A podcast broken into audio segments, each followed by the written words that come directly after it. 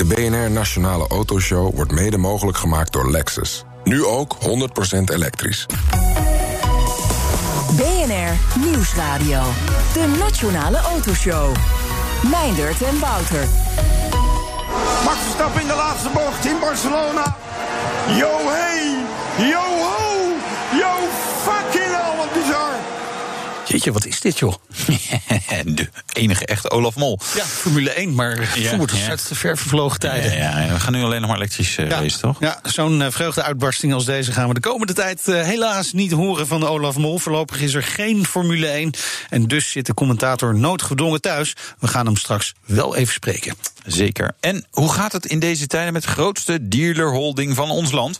We spreken de baas van eh, Van Mossel Auto eh, Groep over autodealers en de anderhalve meter samenleving. Ja, ja dat blijft bumperkleven, in mijn Ja, opinie. in de auto is te meter is, eh, is vrij Ja, dichtbij. ja. natuurlijk gaan we wel rijden. En je hebt niet hoeven bumperkleven, Wouter, met de Polar One. Even, even weg accelereren hier. Gaat zo hard. Even mijn spullen een beetje veilig opbergen. Dus ben ik straks alles kwijt. Ja, wat maakt deze auto bijzonder? Behalve dat je al je spullen moet vastleggen, net zoals in een, eh, een, in een schip, hè? Moet je ook alles ja, veilig opbergen. Ja, ja, dit, eh, nou, wat wel grappig is. want Nu klinkt het redelijk eh, normaal, die auto. Hè, het is gewoon een viercilinder. Maar het, het- uiteindelijk nog drie elektromotoren erbij. 600 pk. Ja. Bijzonder mooi. Dit is eigenlijk die Volvo Concept Coupé. Die hebben ze nu gemaakt in een Polestar versie. Zo moet je het feitelijk zien. Het is zo ons bloed, bloed. Gele remplaatjes, Gele gele, remplaatjes. gele riemen.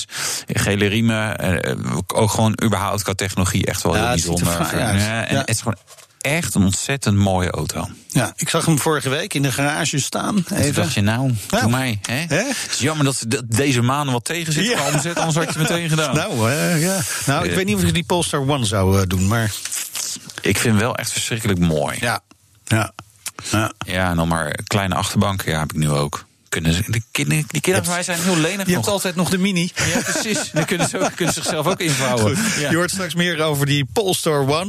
We beginnen deze uitzending met de bijtelling op volledig elektrische auto's. Hè? De, de, de Polestar 2 wordt dat. Ja. Eh, Hè, ja. Die wordt Ja, volledig die is- elektrisch, wordt volledig toch? elektrisch, ja. Nou ze ja, dit jaar over dat soort auto's, eh, die bedraagt op dit moment dit jaar 8% bijtelling daarop. En dat wordt vanaf 1 januari, als de regels hetzelfde blijft, 12%. Maar de vraag is of die verhoging wel doorgevoerd moet worden vanwege die coronacrisis, Wouter. Want deze maanden niemand sluit een leasecontract af, of bijna niemand. Dus er worden ook geen eh, elektrische auto's Nee. geleased. Nee, dit was Ze nog, worden eh, überhaupt niet geleverd waarschijnlijk op dit moment. Of volgens mij nog wel, nog wel wat eh, Tesla's Model 3 in maart. Hè, is einde, ergens een schip op de oceaan. ei- einde, einde van het kwartaal dan hebben ze altijd een, een, kleine piekje. Kijk, we gaan, gaan natuurlijk nu worden er natuurlijk niet zoveel nieuwe auto's besteld. Dus even die vraag is wel enigszins eh, zeg maar eh, stilgevallen. Ehm Daarnaast kan natuurlijk denken, zakelijke auto's. Ja, het zijn ook een hoop bedrijven die het moeilijk hebben. Dus dan is wel de vraag dat ze dan tegen jou zeggen: Ja, Meijnerd, nou, we hebben eens even nagedacht. In dit, juist dit jaar wilden we jou toch die leaseauto aanbieden. Ik denk dat dat toch er heel vaak niet in zit. Dus je gaat, er, er gaat wel wat veranderen in de vraag. Dat is de ene kant. De andere kant is: heb jij zin, even als persoon, om in het openbaar vervoer te gaan zitten waar je het coronavirus kan oplopen? Eh, eh, mm, waarschijnlijk niet. Dus ik denk dat er wel een soort inhaalvraag aan auto's gaat komen. Moet die bijtelling dan op 8% blijven voor elektrische auto's? Ja, dat is een hele, een hele interessante. Hangt een beetje vanaf, ja, wat wil de overheid nog bereiken? Willen we echt dat elektrisch rijden nog stimuleren? Dan, ja, dan denk ik, joh, verleng maar, eh, houd gewoon nog een jaartje daarop. Ja. Beschouw dit jaar een soort van verloren. Ja, je zou kunnen zeggen drie maanden. Hè, dat als nu Ja. drie maanden op slot gaan. Maar ja, goed, het effect na L-effect zal natuurlijk veel Nou, groter Het zijn. is veel groter. Dus Dan zou ik zeggen, joh, doe het gewoon nog een jaar. Aan de andere kant kan je ook zeggen van ja, maar we hebben zoveel dingen waar we ons geld aan kwijt kunnen volgend jaar en komend jaar. Gewoon eh, mensen, nou ja, hebben we net nog in de nieuwsupdate een ding over voedselbanken en mensen met schoolspullen. Denk ik, ja, nee, dan moet jij korting op je elektrische auto krijgen qua bijtelling. Nou, vol- volgens mij kunnen we ook eh, aan andere zaken geld uitgeven. Nou, we hebben ook de, deze week verschillende partijen gesproken in de autobranche. En wat blijkt, Wouter? Nou ja, ze zijn niet eensgezind. Je verwacht het niet. Nee. Oh. Ja, nee, dat zou wel eens wat zijn als het wel allemaal eh, eh, zeg maar, voor het e- eens zou zijn. Ehm, maar we beginnen met, met het standpunt van de autoleasemaatschappij. Hè. Voorzitter Renate Hemerik van de VNA legt uit waarom die zijn voor het verlengen van de 8%, 8% bijtelling met een jaar. We hebben eigenlijk drie redenen ervoor. Eentje is dat uh, er zijn heel veel uh, uh, EV's besteld die dit jaar zouden worden afgeleverd. Maar we vrezen dat daar een deel van volgend jaar pas wordt afgeleverd. Nou, dat was voor niemand te voorzien. Dus vanuit dat, die optiek zou je die 8% moeten vasthouden. Daarnaast geldt dat er veel bedrijven zijn die beslissingen op dit moment even uitstellen. En je hebt de inzet van EV's nodig om je milieudoelstellingen te halen. Dus zou dat ook behulpzaam zijn uh, daarvoor. En de derde is eigenlijk dat er een, uh, het geeft een extra uh, economische impuls, ons inziens, om die 8% volgend jaar nog vast te houden. Ja, en ze vindt dat Kamerleden in deze tijd over hun eigen schaduw moeten heen stappen. Is al lastig natuurlijk normaal. Ja. Maar goed. Ja, het lijkt net alsof je dit allemaal doet om uh, de zakelijke automobilisten te bevoordelen, maar dat is het niet. Het is echt een economisch, maar ook een milieutechnisch belang wat hier gediend wordt. Ja, het milieu is al heel erg geholpen bij deze crisis. Ja, dat Nee, is ja, waar. Er wordt veel minder gereden. En we hebben best wel... ook We vliegen niet, we bouwen minder. eh, Vliegen heeft natuurlijk echt een waanzinnig effect. Dat is natuurlijk bizar. Ja, ik mag het eigenlijk niet zeggen, want ik, ik was bijna platinum bij KLM. Ik gooi er nog maar eens in. Ik had nog maar vier punten nodig. Maar ehm, Misschien doen ze die jou wel cadeau. Als je belooft volgend jaar weer een vluchtje te nemen. ik weet niet of dat... Ja, dat weet ik ook oprecht niet wat er gebeurt. Nee, ja... Ik... Dit is, dit is wel een beetje preken voor eigen parochie. Dus leasemaatschappijen, ja. we moeten leasen wel aantrekkelijk houden. Dat is goed voor de economie en voor het milieu. Nee, Ja. weet je wat goed is voor het milieu? Als je gewoon niet reist. Ja. Dat is het beste voor het milieu. Ja, maar precies. Het gaat niet alleen maar om het klimaat, het gaat ook om de economie. Eh, en we zeiden het al, hè, de autobranche is het niet helemaal met elkaar eens. In tegenstelling tot de autoleasemaatschappijen vinden auto-importeurs het verlengen van de bijtelling voor elektrische auto's geen goed plan. Hoort voorzitter Steven van Eyck van de Rijvereniging. Kijk, wij hebben jarenlang hebben tegen de overheid een beetje ons beklag gedaan over het feit dat men jojo-beleid uitvoert met die bijtelling. Te pas en te onpas verhogen en verlagen. Het zou natuurlijk heel bijzonder zijn als wij nou opeens zouden zeggen van ja, doe dat nou maar omdat het toevallig zo uitkomt. We zitten heel strak op een fiscaal stabiel economisch klimaat. Dat is voor de consument is dat goed, dat is voor de autobranche is dat goed. Maar Van Eyck vreest dat er toch een addertje onder het gras zit. Stel nu dat je die bijtelling gaat verlengen. En komend jaar worden er opeens veel meer aantallen nieuwe elektrische auto's geregistreerd dan we op dit moment hebben berekend. Nou, dan loop je natuurlijk het risico dat je in 2022 ineens een heel veel hogere bijtelling krijgt, omdat dat voor naderlei de hand aan de kraan principe geldt. Dus dan cre- creëer je eigenlijk opnieuw weer een soort marktverstoring. En daar zijn we nou juist aan terug toe. Op dit moment hebben we een ingroeiregeling afgesproken. 4% per jaar hou je er gewoon aan. Dat is voor iedereen uitlegbaar eh, en verantwoord. En geen jojo-beleid meer. Ja, voor iedereen uitlegbaar. Toch moeten we dat een klein beetje uitleggen. Dat eh, met de hand aan de kraan principe. Want de overheid kan dus het beleid bijsturen als het bijvoorbeeld te succesvol wordt. Ja, maar als het niet succesvol genoeg is, dan dat noemen ze dan Nee. weer niet. Hè? Ja, dat is dan wel weer grappig. Nee, maar is dat een terechte vrees? Ja, ja, Want eh, 8% zit al wel een beetje. Ja, het is nog wel heel voordelig ten opzichte van 22% voor een auto met een verbrandingsmotor. Maar Ja. Het zit op de wip. Je kunt hem, als je hem helemaal doorrekent als ZZP'er, als jij, eh ja, jij, Let even op. Ehm, bijvoorbeeld met een elektrische Corsa, van de week toevallig gereden. Oké. Ehm, die heb je ook als benzineversie. Het geldt voor de 2.0 Peugeot 208 en zo. Als je dat helemaal doorrekent, gewoon leaseprijs plus eh, de bijtelling, eh, dan is het eigenlijk een beetje lood om uit ijs of je nou elektrisch of benzine gaat rijden. Dat is ongeveer even duur. Alleen voor heel veel mensen is het natuurlijk gewoon, ik krijg gewoon de auto van de baas en eh, mijn lage bijtelling is het enige waar ik naar kijk. Dus het zit al op de wip bij 12 en bij 16 procent, eh, hè, want daar gaat het ook nog een keer naar naartoe, en dan naar 22 procent. Ja. dan hoef ik je niet uit te leggen dat het dan gewoon überhaupt ongunstig wordt om elektrisch te rijden. Dan doe je het gewoon niet meer, want dat is duurder. Maarten van Biesen van de Vereniging Elektrische Rijders, de VER, die reageert ook op het standpunt van de Rijvereniging. Ik denk dat in dit geval dit niet echt een hele duidelijke hand aan de kraammaatregel is. Tijden van, van echte crisis, een coronacrisis, die hakt er zo stevig in... dat dit gaat niet over een beetje meer of minder stimuleren. Dit gaat over een hele sector, een heel ecosysteem van elektrisch rijden... die je op de been wil, eh, wil houden. Dus die hebben af en toe ook een zetje nodig en een, een, een, een, een helpende hand nodig van, de, van die overheid. En die bijtelling dus nog een jaartje wat lager houden, helpt daar echt bij. Ja, want als dat niet gebeurt, dan wordt het dus gewoon zoals afgesproken die 12 procent, eh, Wouter. Ja. En Ja. dan? Ja, ja dan, eh, dan stort die markt voor zakelijke auto's eh, vanaf volgend jaar helemaal in. Ja, Maarten van Biesen daarover. Het eh, verschil tussen eh, zeg maar de 12% bijtelling eh, voor een duurdere elektrische auto en 22% bijtelling voor een goedkopere uh, brandstofauto, dan zijn die verschillen niet meer zo heel erg groot. En dan is de gemiddelde werknemer zou dan kunnen, kunnen denken van nou dan ga ik toch wel weer gewoon een brandstofauto rijden. Ja, en dat is wat wij eind vorig jaar ook al melden. Hè? Op basis van een rapport van vier met een F Automotive. En toen was de coronacrisis nog niet eens losgebarsten. Dus die, die markt, ja, die kan gewoon instorten echt. Ja. ja, aan de andere kant dan gaan we waarschijnlijk weer benzine rijden. En de benzine is ook lekker goedkoop. Ja, weet je, het is een beetje van: is, is dit het grootste probleem wat je nu wil oplossen? Het kost gewoon geld om die bijtelling laag te houden. Maar goed, dan gaan we benzine rijden. Dan komen volgens VNA en de, de Vereniging Elektrische Rijders die klimaatdoelstellingen weer in gevaar. Erkent ook de rijvereniging? Sowieso is er een kans dat we straks die klimaatdoelen niet gaan halen. En de reden is eigenlijk heel simpel. Op dit moment ligt 95% van alle autofabrieken stil in Europa. Dat betekent dat er 100.000 auto's alleen al vanuit de Europese fabrikanten missen. Na twee maanden zijn het er 6 miljoen. Dat is een achterstand, die haal je niet zomaar in. Zeker niet als je realiseert dat de opstart, die we straks gecontroleerd gaan doen, heel geleidelijk zal plaatsvinden en je dus niet in één keer op volle capaciteit draait. Dus dat wij een achterstand oplopen, ja, die kans is groot. Ja, dat zegt Steven van Eyck. We hebben ook de BOVAG om een reactie gevraagd. Maar die branchevereniging zal pas eh, volgende maand met een standpunt komen. Die hebben nog even tijd nodig om de, alles door te rekenen, denk ik.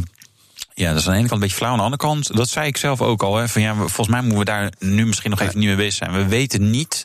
Voor hetzelfde geld zijn volgende maand staan we weer uh, met z'n allen op een evenement. En uh, is corona is iets uit het verleden. En, en start de economie gewoon weer op. Maar het kan natuurlijk ook heel anders lopen. Ja. En afhankelijk van die scenario's natuurlijk ook wel een beetje van ja, wat, hoe moet je hier nou mee omgaan? Nou, is er überhaupt geld om nog, nog even wat reacties van, uh, van twitteraars die aan het luisteren zijn. Oh, dol, Twitter ja, ben ik. Leo de Realist die zegt gewoon verhogen naar 24 procent. meeste Tesla's die staan nu stil. Dus die ja. mensen die hebben toch geen essentiële beroepen. Gelijke monniken, gelijke kappen, et cetera. Uh, eens even kijken. Luberto van Buiten die zegt, uh, waar ik ook naar benieuwd ben... wat verwachten de EV-kenners van de aanschafsubsidie op EV's? Hè? Zijn stelling, de aanschafsubsidie komt terecht bij de autobranche. Uh, dus misschien niet nodig, maar wel om de lage marge te compenseren. Ja, ja, ja die lage marge vind ik altijd zo mooi. Hè? Terwijl die autodealers, nou, nu dit jaar niet, maar daarvoor dacht ik ook wel... volgens mij hebben jullie het minder slecht dan jullie hard roepen. Aankoopsubsidie, ja, ik weet je, een nou beetje druppel, op de, druppel op een gloeiende plaat uiteindelijk. Hè? Ja. Want het is een, even een, een elektrische up kost zeg maar ex-belastingen in, in Duitsland. Een benzine-up kost nog geen 10.000 nee. euro. Een, een elektrische kost 24. Nou, we in Nederland nog wat BPM erop. Dus het is 12 versus 24.000 euro.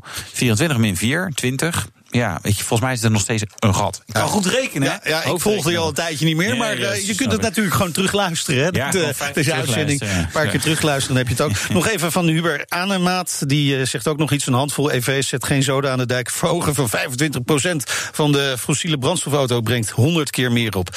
Ja, nou, dat uh, gaan we misschien maar gewoon niet doen, lijkt mij. Hè, Wouter? Nee. Goed, dankjewel. De Nationale Autoshow. Ja, hoe gaat het? Werkhof, algemeen directeur van de Van Mossel Automotive Group, groep. Dat is de grootste dealerholding van Nederland met ruim 180 vestigingen. Hij uh, verkoopt nieuwe en gebruikte auto's, levert leaseauto's door heel Nederland van bijna alle automerken. We kunnen beter zeggen welke automerken er niet bij zitten, geloof ik. Welkom in de uitzending. Ja, goedemiddag. Ja, goedemiddag. Gewoon uh, thuis aan het werk of toch op kantoor? Nee, echt op kantoor. De kapitein hoort op zijn schip, hè? nou ja, de, de kapitein zou ook kunnen betogen. Nou, ik geef het, het, ja, het goede voorbeeld, maar ik, ik laat zien dat het ook vanuit huis kan. Is het toch, toch belangrijk dat je op kantoor zit? Ja, ik vind van wel. Ik vind uh, qua communicatie is met, uh, met thuiswerken het altijd een stuk lastiger. Ja. Uh, daar waar het niet anders kan, laten wij het uiteraard ook toe. Maar we proberen toch zoveel mogelijk op het, uh, op het front te zijn. En ik vind het ook uh, solidair naar mensen waar het in onze branche niet bij kan. Hè. Monteurs, verkopers, serviceadviseurs. Ja. Die mensen moeten ook echt al, elke dag in de, in de frontlinie zijn. En uh, ja, dan moet je toch een beetje solidair ook naar die mensen zijn. En dat is toch in ons bedrijf bijna 75% van het totale personeel. Ja. Dus nou. beweren we, die beweren we zeker leidend te houden. Ja, ja dat snap ik ook wel. Uh, bijna een maand geleden zei u goede hoop te hebben in een goede afloop van de coronacrisis voor uw bedrijf. Uh, heeft de tijd deze uitspraak ingehaald of is dat nog steeds het geval? Nee, toch nog wel steeds eh, het geval. Uh, het is, elke dag is het natuurlijk een hele strijd. We moeten ongelooflijk creatief zijn. We moeten voor alles uh, doen. Er wordt heel veel van onze mensen gevraagd. Het, het, het, hele verkoopproces, het, het serviceproces. Als je dat volledig in de anderhalve meter economie wil doen, dan, ja, dan vraagt het gewoon veel meer inspanningen. Maar daar hebben we er heel graag voor open, want we proberen twee, eh, twee eh, heren te dienen. De ene kant eh, de gezondheid op orde te houden en aan de andere kant de economie.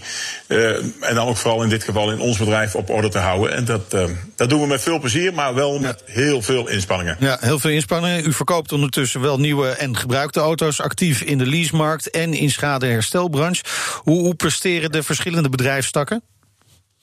Nou, als je naar, naar de verschillende kijkt, uh, verkoop nieuw uh, vinden wij nog steeds goed doorlopen. Uh, we zitten daar inmiddels op 91% van ons normale doel. Dus daar zijn we op dit moment zeer content mee. Ja, maar, de eerste twee... We, sorry, ja. ja, nou, ik vraag me dan, maar ook nu nog met order intake?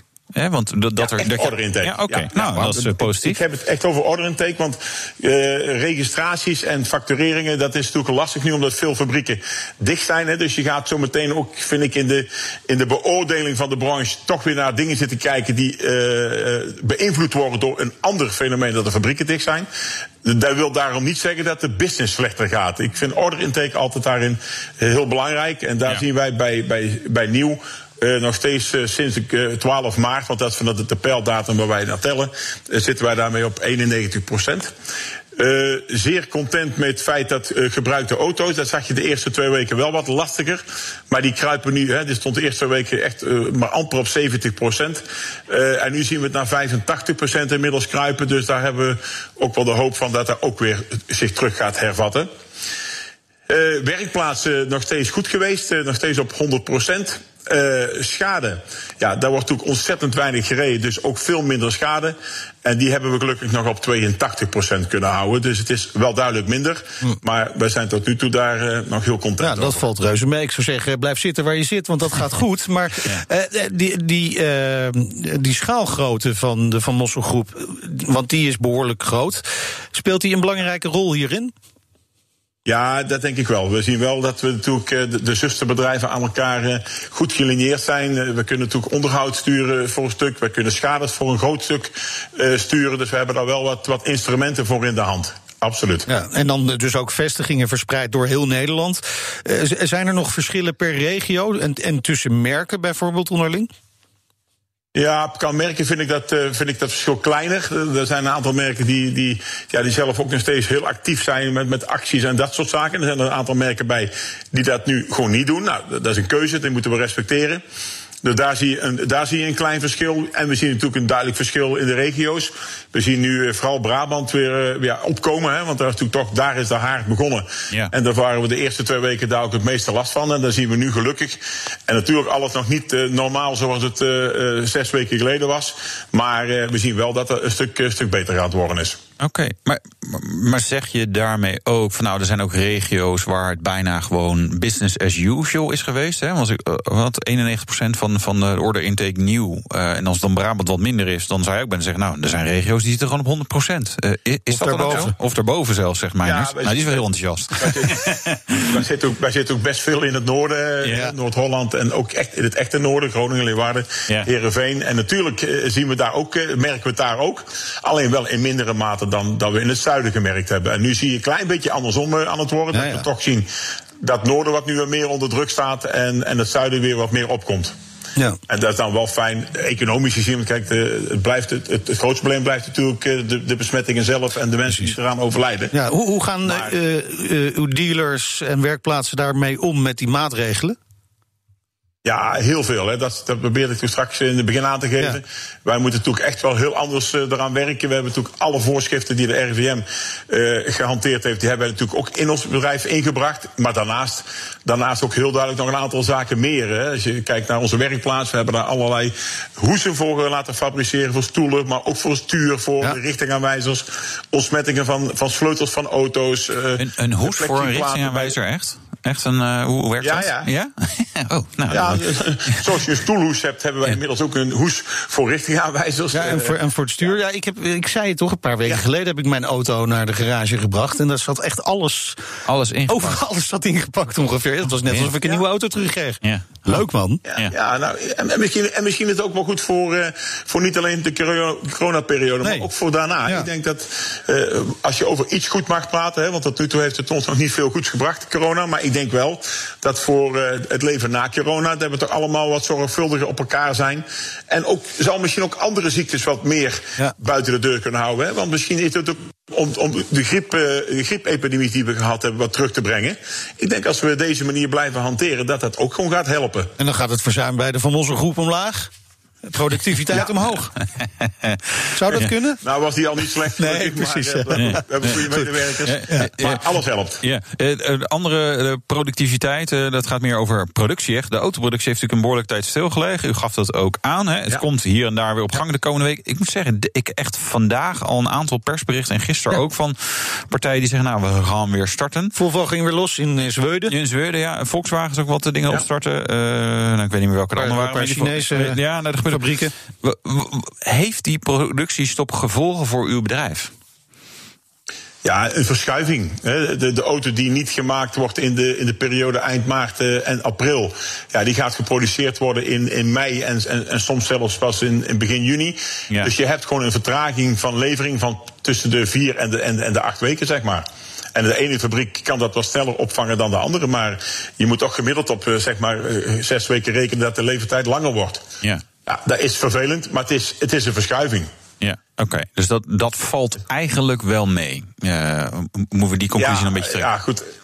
Ja, maar het is wel allemaal, je moet wel, het moet wel beter managen. Je zult toch je klant beter moeten informeren. Je moet rekening houden dat je inruilauto ook zes weken langer weg blijft. Daar zul je ook een afspraak over moeten maken. Dus ja. het is wel allemaal veel bewerkelijker. Ja. Ja. Als je alles aan, aan het eind bekijkt, zal het mee gaan vallen. Alleen, het is gewoon heel veel werk, uh, anders werk dan wat je gewend bent. Ja. Om het uiteindelijk uh, goed te laten lopen. Nou, is in ieder geval prettig bericht dat het uiteindelijk mogelijk wel eens mee zou kunnen vallen. Maar dat betekent wel, hè, als er heel veel auto's op dit moment niet worden geproduceerd. en uw order intake is nog steeds best behoorlijk. dat er misschien op een gegeven moment tekort. of dat die levertijd nog langer gaat oplopen. verder gaat oplopen. Klopt dat? Ja, ik heb dat al een keertje aangegeven. Ik denk dat dat vooral bij gebruikte auto's het geval gaat worden. Hè, want die nieuwe auto die gaat uiteindelijk toch wel uh, komen. Uh, of het dan zes weken later of acht weken later is, uiteindelijk rolt hij een keer van die band af. Maar met gebruikte auto's, dan zie je nu toch ook wel een beetje dat er toch al een schaarste begint te komen. Je krijgt, uh, in ons geval, wij moeten een behoorlijk aantal auto's per week uh, verkopen gebruikt. En, en als je dan 20 of 30 procent minder binnen aan het krijgen bent, dan gaat, dan gaat dat natuurlijk wel een schaarste opleveren. Oké, okay, maar gaat dat misschien ook betekenen dat prijzen op gaan lopen van uh, tweedehands auto's? En daarmee uh, nu, ja, ik... nu toeslaan. Nu naar de Van Mossel. Uh, ja, nou, ik vind ze in ieder geval zeker. ze worden zeker niet goedkoper. Dus ik denk inderdaad wel dat het gewoon het, het hele goede het moment. En dat is geen verkooppraat. Ik denk dat steeds een goed moment is om gewoon een gebruikte auto te kopen. Die ja. gaat zeker niet goedkoper worden in de toekomst. Oké. Okay. Nou heeft de Van Mossel groep kennen we eigenlijk van de afgelopen jaren toch van de vele overnames. Hè. U heeft veel overnames gedaan. Uh, u kijkt altijd naar groei volgens mij. Is dit ook een moment om die groei juist een impuls te geven? Ja, die vraag heb ik een aantal keer natuurlijk gekregen. Wij hebben een, een, strategie en die strategie die blijven wij gewoon op de normale manier volgen. We gaan nou niet, omdat er een corona is en misschien links en rechts een, een, een, een bedrijf komt wat in zwaardere weer komt, om daar nu meteen bovenop te duiken. Dat gaan we zeker niet doen. Wij hebben een strategie en we weten ook exact welke bedrijven waar wij interesse hebben. En dat zijn zeker geen bedrijven die nu noodlijdend zijn. Nee. En wij gaan dat nou niet veranderen. Oké, okay. nou, dus, dan vind ik dat u, u zich goed kunt, kunt inhouden. Hè? Zeg maar echt wel heel strikt aan de strategie dus. ja, nee, het is een beetje alsof je een kind in een snoepwinkel loslaat, zou ik bijna denken van nou, hey, leuk, allemaal ja, bedrijven die het lustig hebben. Toch toch niet zo. Nee. We, we, hebben een bepaalde regio waar we uh, mee willen werken. Ja. Er zijn uh, merken die daar natuurlijk, de merken die daar een hele belangrijke rol in spelen. Uh, ja. En dat kun je niet zomaar veranderen. En ik vind ook niet dat we dat moeten doen. Okay, nee, en hoe ver, hoe, ver, hoe ver bent u met die strategie op dit moment? Ja, zoals al een aantal keer meer aangegeven. In Nederland zijn we daar een heel eind mee. Dat wil niet zeggen dat we klaar zijn. We gaan dit jaar best nog een paar mooie dingen in Nederland doen. En dan zal in de toekomst altijd wel, wel iets, iets koper zijn en iets verkoper zijn. Want je blijft naar de optimale uh, blauwdruk kijken in Nederland met je merken en met je uh, importeurs daarmee. Dus dat zal altijd wel iets blijven, maar niet meer in de groei zoals we dat de laatste paar jaren gemaakt hebben. Maar we zijn dat nu in het Nederlandstalige deel in België bezig. En dat, ja, dat, daar staan we nog wel verder uh, de toekomst in te kijken. En daar gaan we tot zeker eind volgend jaar nog uh, fors mee door. Hartelijk dank en heel veel succes de komende tijd. Erik Berkhoff, algemeen directeur van de Van Mossel Automotive Groep. En zometeen... Een gesprek met Formule 1-commentator Olaf Mol, die hele andere dingen nu aan het doen is. Nou, en Wouter die mocht de Polestar One testen. Ik heb te weinig tijd om dit allemaal te gaan uitleggen. Oh, nou, we gaan toch een poging doen. Tot zometeen. BNR Nieuwsradio. De Nationale Autoshow. Meindert en Wouter. Ja, Wouter. Wat gaan we doen? Uh, kinderboeken gaan we het over hebben. Oh, wat en, leuk. Uh, ja, leuk hè? Ja, ja dat is geen Formule 1. Wordt dus aan de tweede half uur van de autoshow ja. kinderboeken. Ja, de Road to Zandvoort. Dus zodat je met je kinderen op het strand weer mag, uh, een boekje mag gaan lezen. Oh, wat leuk. En we hebben straks een rijimpressie in de Polestar One. Een plug-in hybride met 609 pk, 1000 newtonmeter koppel... en een sprint van 0 tot 100 in 4,2 seconden. Het is zo'n ontzettend vlammend apparaat. Ja, lekker vlammend apparaat. Wel in Zweedse stijl natuurlijk uh, opgebouwd. Ja, Zweeds-Chinees, hè? Het is Zweeds-Chinees, een, ja. een kind van, uh, van, van twee uh, Volvo en Geely. Ja, Volvo en Geely, zeggen ze zelf. Ja, het is gewoon een verbouwde Volvo natuurlijk, ja. maar... Uh, maar wel met een spannende topsnelheid voor een Volvo, 250 km per uur. Ja, maar nee, dat is het verschil tussen de Volvo en Polestar. De Volvo is allemaal 180 en Polestar mag wat harder. Ja, ja, was Volvo al niet het meest flamboyante merk uh, ter wereld? Ja, uitzondering natuurlijk. Sommige bereiders natuurlijk. Uh, ja, hè, echt ja. enorm. Ja. ja. Zo, ik moet zo vaak mijn banden. Ja, maar, maar 180 km per uur, hè, begrensd. De Volvo's tegenwoordig. Begrijp je iets van die beslissing? Hmm. Ik, nee, in die zin, omdat je, je, je haalt een beetje de illusie weg, is dat je de dikkere versie moet hebben. Ja. Die moest je hebben omdat je natuurlijk hard wil optrekken, uh, of, of, omdat je dat lekker vindt rijden, en omdat je hard. Uh, die wil wat over hebben. Die wil wat over hebben, maar je neemt toch een reden weg dat je dat nodig hebt. Je denkt, ja, ze lopen allemaal wel 180. Ik denk dat er in, in de geschiedenis van Volvo, misschien wel 30 jaar terug moet, dat je, nou, misschien nog wel langer, dat, je, dat een Volvo geen 180 haalde. Nee. Kijk, een Volkswagen Up of een Fiat Panda haalt over het algemeen geen 180. Nee. Behalve de Up GTI, die haalt wel weer op sloffen. Maar weet je, dat is, dat is niet zo hard. Nee. Dus ja. Maar het, het is. Het ja, ja, kennelijk willen ze allemaal dat we Polestar gaan rijden. Ik denk dat dat de uiteindelijke strategie is. Ja. Het grote plaatje. Ja. plaatje, goed. Dat, uh, straks, je hoort straks ook een uh, rijimpressie in de Polestar One. Maar uh, je kunt natuurlijk veel harder. Tenminste, ja. Als je Formule 1-coureur bent. Nou ja, er is wel ruimte. Geen mensen die in de weg rijden. Geen dirty air voor je en zo. Uh, als je ergens op een circuit zou kunnen.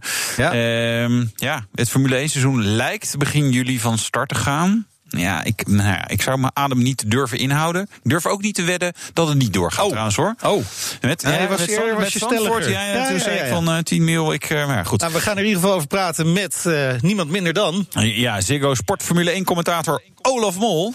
Welkom in de uitzending, Olaf. Goedemiddag. Hoi. Ja. Hey. Jij woont in Spanje volgens mij. Met al het mooie wat je vertelt over die Volvo en hard rijden en allemaal dat soort dingen. Ja. Jullie wonen, godsamme, in een land waar je niet harder dan 100 mag, man. Waar, ja. gaat, waar gaat het hem over? Ja, nou, het grappige is, ik zie steeds meer uh, mensen uh, toch iets harder dan 100 rijden. En, en soms zeg maar ongeveer dubbel. Nee, het werd gisteren nog ingehaald door een Audi R8 op de ring van Rotterdam. Ik nam de afslag, dus ik moest hem even laten gaan. Maar ik dacht, nou, jij hebt wel echt gasten, gasten erop. Mensen zijn toch wel als soort uitlaatklep toch nog even af en toe uh, laat zijn auto uit. Maar in Spanje, in Spanje is het maar 130. Als je al de deur uit mag. Want dat mag je volgens mij helemaal niet, toch? Nu. Nee, nee, zonder reden mag je hier in ieder geval niet de deur uit. Uh, Spanje is overigens officieel 120. Alleen ja, de snelwegen hier zijn zo rustig en er wordt bijna niet gecontroleerd. Yeah. Er zijn uh, een aantal flitspalen, maar die moeten dan volgens de wet twee kilometer van tevoren aangekondigd worden. dus ja, als je nu nog geflitst wordt, dan, dan ben je wel heel. Als ik wintertest in Barcelona had, dat is 500 kilometer precies bij mijn huis vandaan. Dan reek dat in 3,5 uur terug. Je zet dat ding op 170 in. Ja, je komt niemand tegen en je blaast gewoon door. Ja. Oh, lekker. Ik snap wel waarom jij daar woont eigenlijk. Tenminste, ja, Ja. behalve in deze periode. Want zit jij de hele dag ja, binnen? Of zit je in de tuin? Hoe, hoe werkt dat? Ja. Nou ja, op, op en om het huis, zoals dat heet. hè. Eh, veel meer dan in Nederland. Ik bedoel, je mag hier echt, eh, wat dat betreft, alleen maar echt boodschappen doen. Eh, Je mag alleen maar even naar het tankstation eventueel en naar een apotheek. En dat, dat is het nu. Ze beginnen nu rondom Madrid wat fabrieken verder open te doen. Ze beginnen ook alweer te praten over of de, de bouw wel weer aan het werk zou kunnen. Maar ja, als die bouwmarkten dicht zijn, dan hoeft die bouw ook niet open. Dus dat is Nee. iets wat ik trouwens sowieso niet begrijp. hoor. Als een supermarkt open is, waarom een bouwmarkt dan niet open is. Want ja, dat is volgens mij gewoon een supermarkt voor Nou, bouw. omdat in de supermarkt essentiële dingen zoals voedsel gehaald kunnen worden. Ja, maar essentieel is natuurlijk ook dat de mensen thuis wat te doen hebben. Ik ben begonnen met schilderen, de verf is op en ik mag een nieuwe verf kopen. Nou, we kunnen het je wel opsturen. ja, maar de postorder, werkt dat nog wel? Pakketje, Ja, werkt, werkt als een dolle. Ja, ja, ja. Nou, ik heb, vandaag heb ik nog eh, koffie binnengekregen en Nederlandse mayonaise. En ja, gaat Ja. helemaal goed. Ook weer opgelost. Hey, maar je bent wel gewend hè, om normaal vanaf eh, de wintertest in half februari tot december van race naar race te reizen. Misschien even die zomerstop eh, eh, weer wat rustig.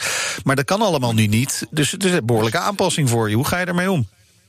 Nou ja, in, in die zin dat ik ermee omga, is dat ik eh, gelukkig eh, heb ik genoeg om handen, eh, genoeg dingen te doen. ben ik een creatieveling, dus ik ben, ik ben weer muziek gaan mixen. En ik ben bezig natuurlijk met wat we zelf doen op Grand Prix Radio. Eh, ben dingetjes aan het schrijven. Ik ben een aantal dingen aan het bedenken slash verzinnen.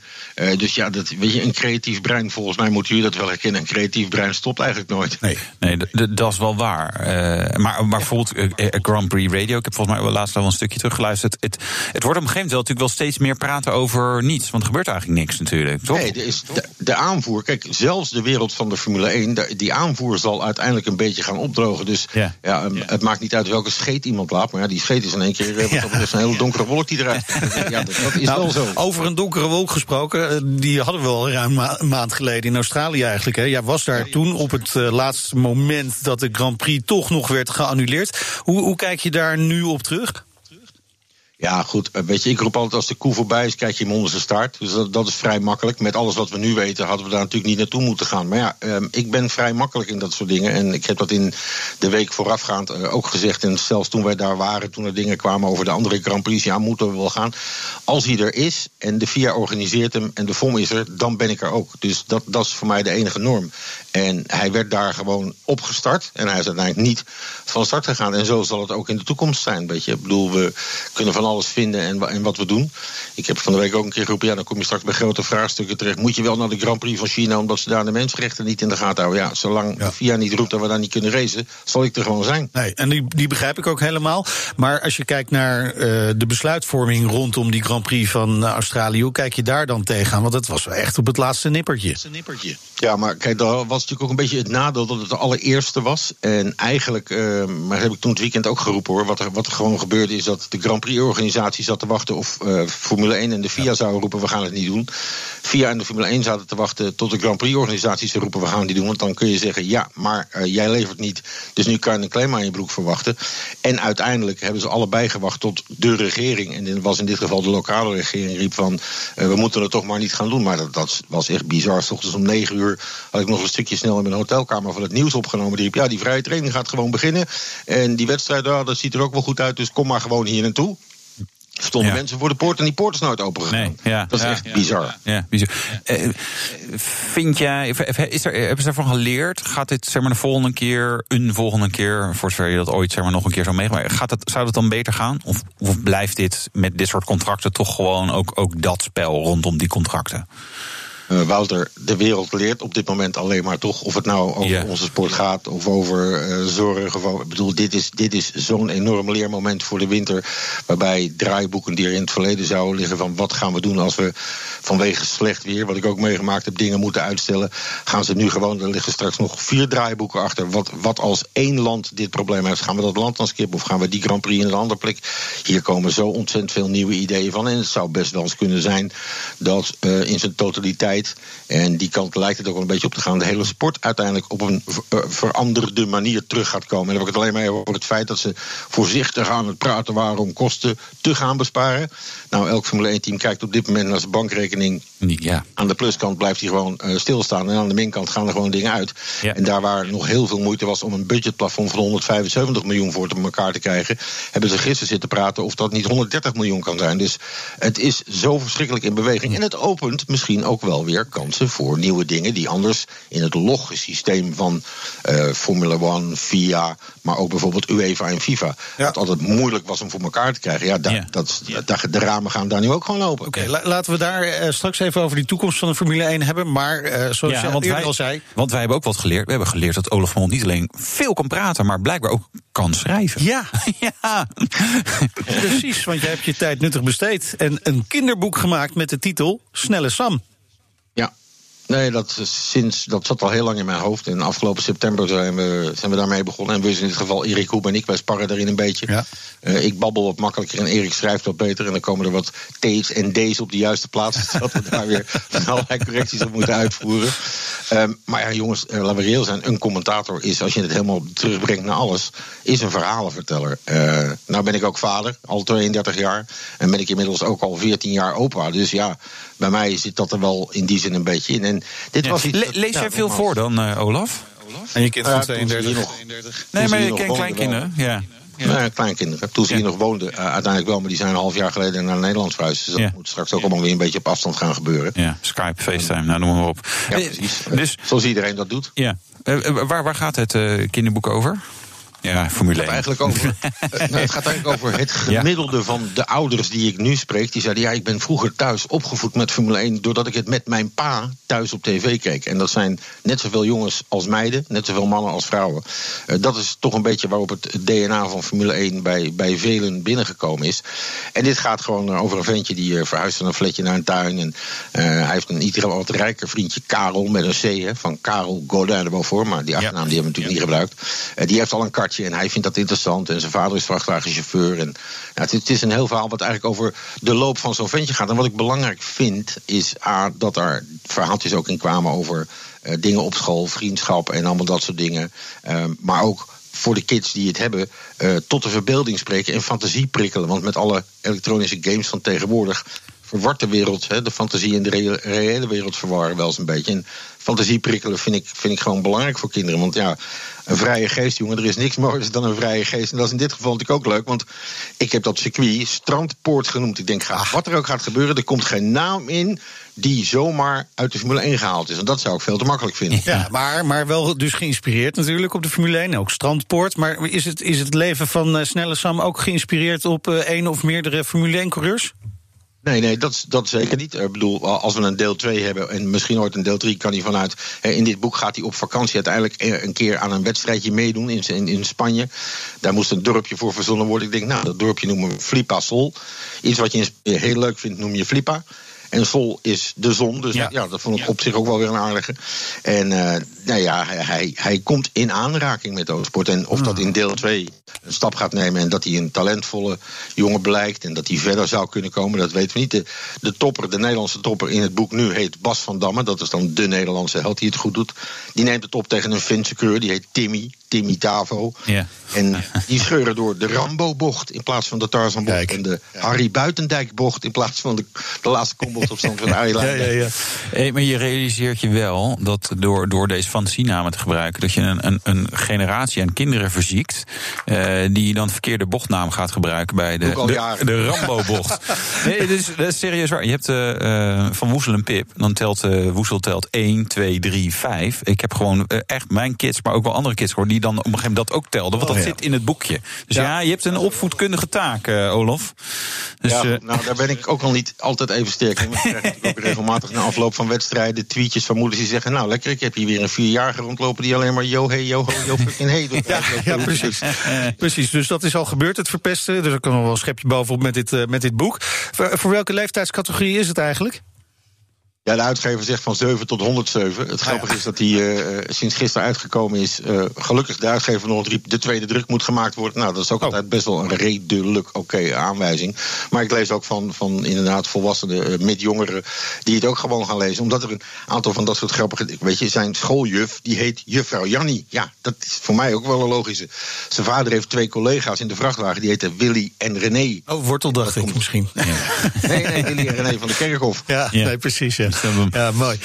eh, eh, terug naar de Formule 1 toch nog? Nou, even weten, waar, waar is, het, is het gewoon overal eh, te koop, het boek?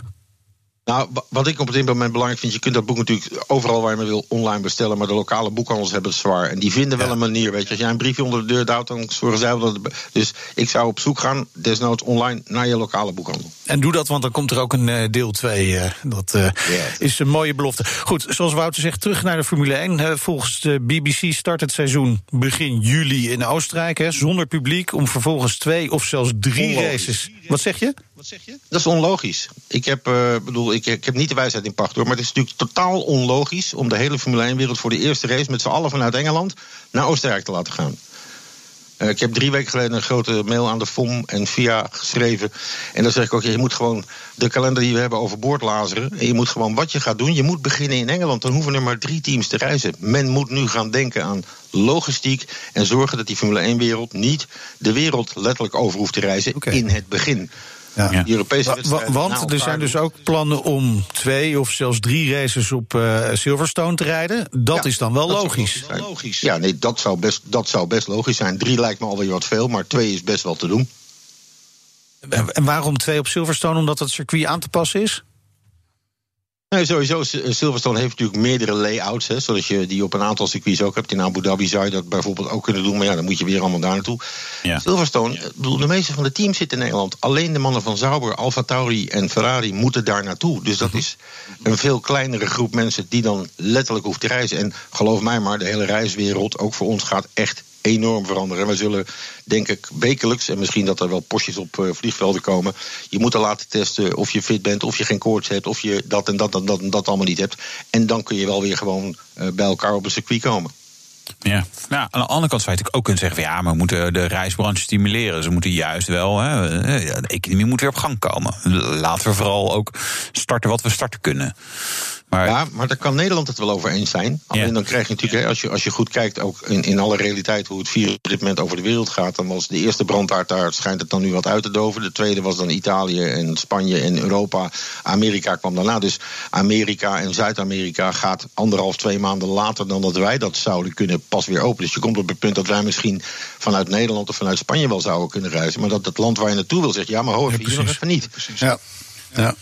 Eh, eh, Het schijnt dat jij ook een alternatieve eh, Formule 1-kalender hebt gemaakt, hè?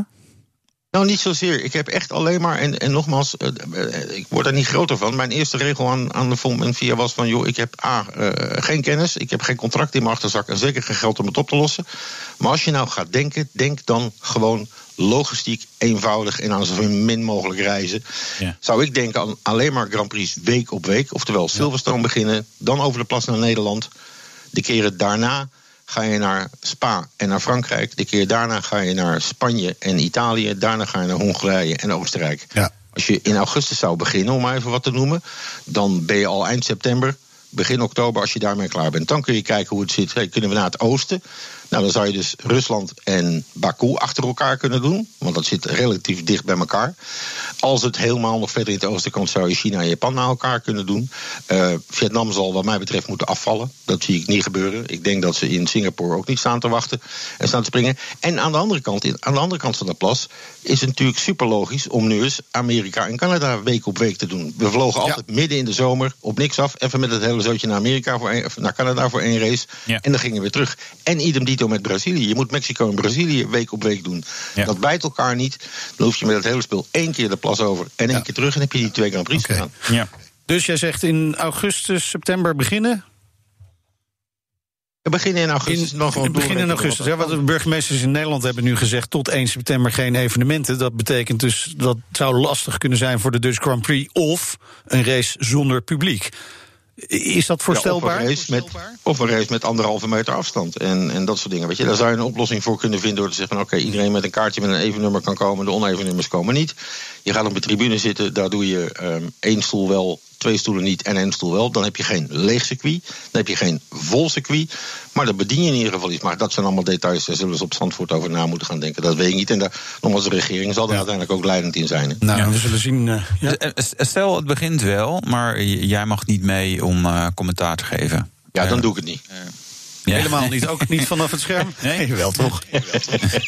Nee, dat, dat, dat, maar dat zijn ook allemaal dingen die in, denk ik, de komende maand, anderhalve maand wel duidelijk zullen worden. Want ik weet niet of ze, als ze zeggen we gaan Grand Prix zonder publiek beginnen. Of ze dan wel 500 man pers toe willen laten. Of dat ze zeggen, ja, maar wacht even, daar gaan we ook over nadenken. Televisiecrews mogen maximaal met drie man komen. Nou, dan zitten wij goed, want wij zijn maar maximaal met drie man. Maar ja, Sky is met 45 man. Dus dat heeft al, al heel wat meer problemen om het daar op te lossen. Maar weet je, eh, eh, ja, wie, wie, in mijn optiek hoor, wie dan leeft, wie dan zorgt. Dat, dat vullen we op die manier dan wel weer in. En we zien wel wat er moet. En desnoods moeten we niet vliegen in Europa, maar moeten met een busje naar alle circuits. Nou, doen we dat. Of met een dikke camper, vind ik ook goed. We, we zullen het allemaal gaan zien. Het heeft in ieder geval enorme impact op de, op de Formule 1. En ook de toekomst van de Formule 1 ongetwijfeld. Gaan we later ongetwijfeld nog wel eens een keertje over hebben. De tussentijd gaan we gewoon jouw boek lezen. Snelle Sam van Olaf Ja, Mol. Ik val midden in de doelgroep eh, tussen de 7 en 107. Ik, dus, ge- eh, ik geestelijk ook sowieso.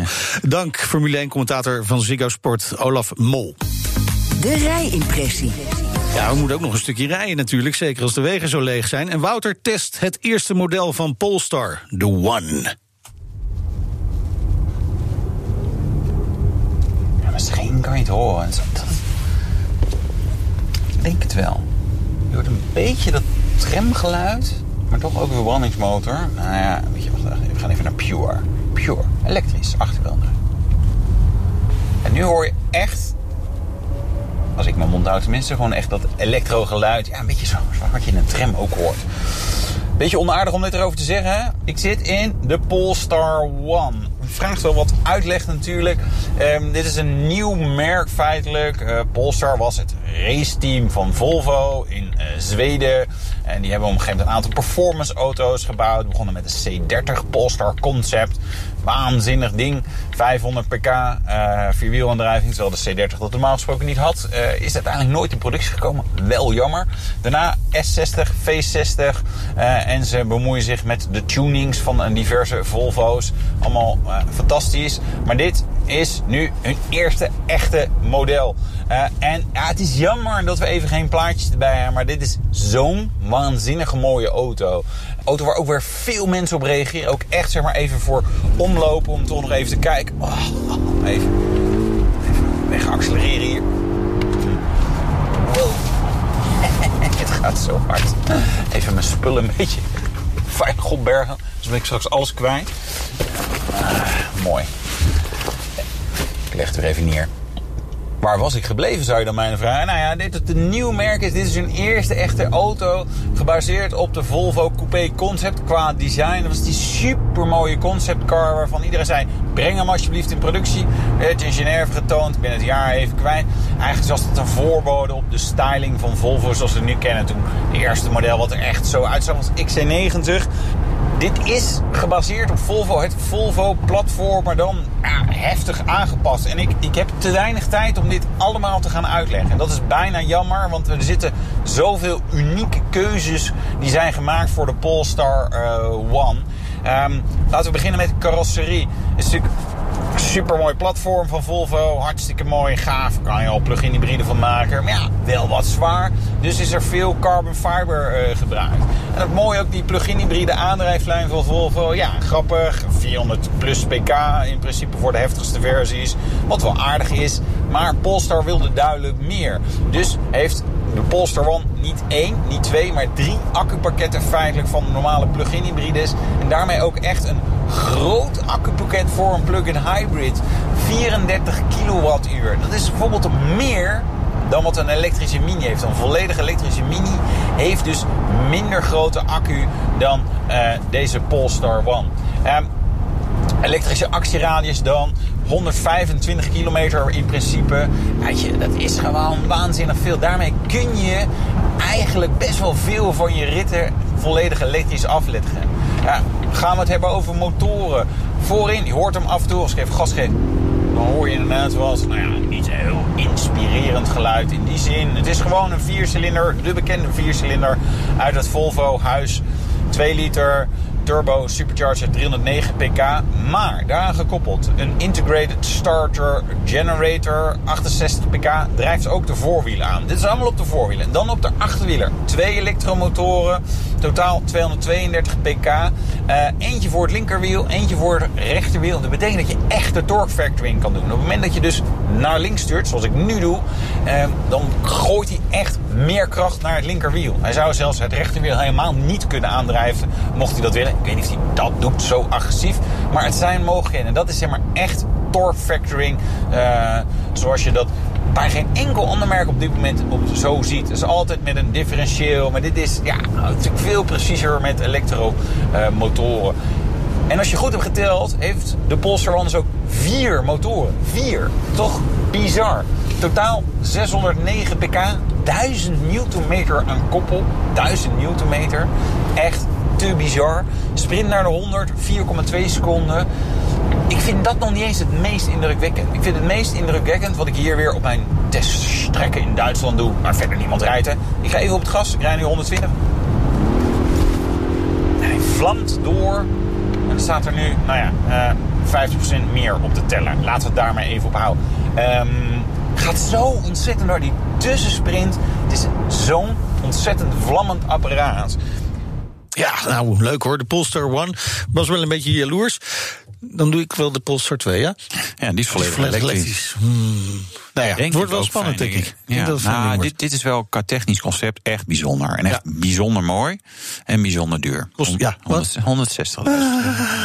Maar dan hoef je niet heel veel, opties meer aan te Volgens mij kan er geen opties aan, vind ik was zo zelfs. Dus ja, joh, weet je. Nou, hè, dan valt het wel weer mee. Dan valt het reuze mee. Dit was de Nationale Autoshow. Terugluisteren kan via de site, de app, Apple Podcast of Spotify. Ja, mijn naam is Wouter Karsen. En ik ben Meijnerd Schut. Tot volgende week weer. Doei. De BNR Nationale Autoshow wordt mede mogelijk gemaakt door Lexus. Nu ook 100% elektrisch.